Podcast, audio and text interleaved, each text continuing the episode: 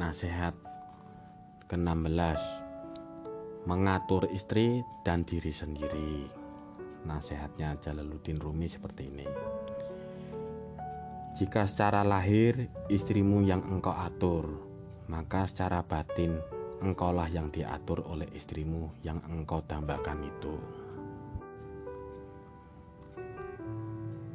Apabila ijab kabul sudah dilaksanakan beserta syarat-syaratnya maka tali pernikahan menuntut seseorang suami untuk memenuhi beberapa tanggung jawab. Tanggung jawab suami tentu tidak hanya mencakup pemberian nafkah ataupun pemenuhan kebutuhan lahiriah. Suami juga bertanggung jawab terhadap perkara agama istrinya. Suami berkewajiban membimbing sang istri agar senantiasa dalam ketaatan dan mencegahnya dari kemaksiatan dan penyimpangan. Eh, mengenai hal tersebut, Allah berfirman, Hai orang-orang yang beriman, peliharalah dirimu dan keluargamu dari api neraka yang bahan bakarnya ialah manusia dan batu Penjaganya malaikat-malaikat yang kasar, keras, dan tidak mendurhakai Allah terhadap perkara yang diperintahkannya kepada mereka dan selalu mengerjakan perkara yang diperintahkan. Quran Surat At-Tahrim ayat 6 Istri itu ialah amanah, ialah titipan yang harus dibimbing secara lahir dan batin terutama dalam hal beribadah kepada Allah. Apabila seorang suami memberi perhatian penuh terhadap istrinya dalam bimbingan agama dengan izin Allah, maka ia akan menjadi istri yang menyejukkan dan menenteramkan hati. Sungguh rugi jika seorang istri hanya dipoles dengan kecantikan yang fana sementara hatinya tidak pernah dipercantik.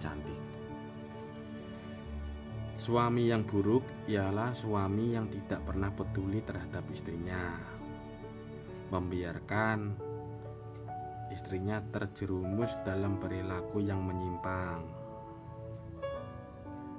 Apabila terjadi, bukankah seorang suami telah menyerumuskan dirinya sendiri ke dalam jurang kehinaan? Rasulullah Shallallahu Alaihi Wasallam bersabda, "Kalian adalah penanggung jawab dan akan ditanya tentang pertanggungjawabannya. Seorang penguasa ialah penanggung jawab dan kelak akan ditanya tentang pertanggungjawabannya. Dan seorang lelaki ialah penanggung jawab terhadap keluarganya dan ia akan ditanyai tentang tugasnya.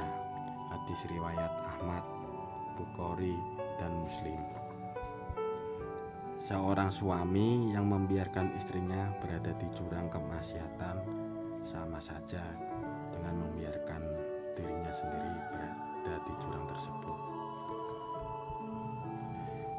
Sejatinya, bila mengatur istri sama saja telah mengatur diri sendiri.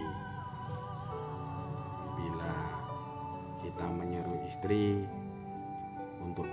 mendirikan sholat artinya kita harus juga melakukan sholat. Kalau menyuruh jangan pelit. Maksudnya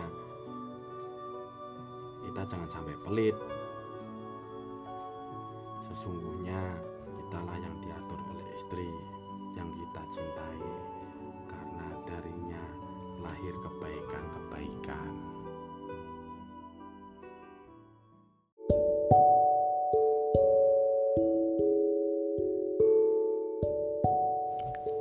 Tetap jaga hati dan pikiran, selalu tebarkan kebaikan.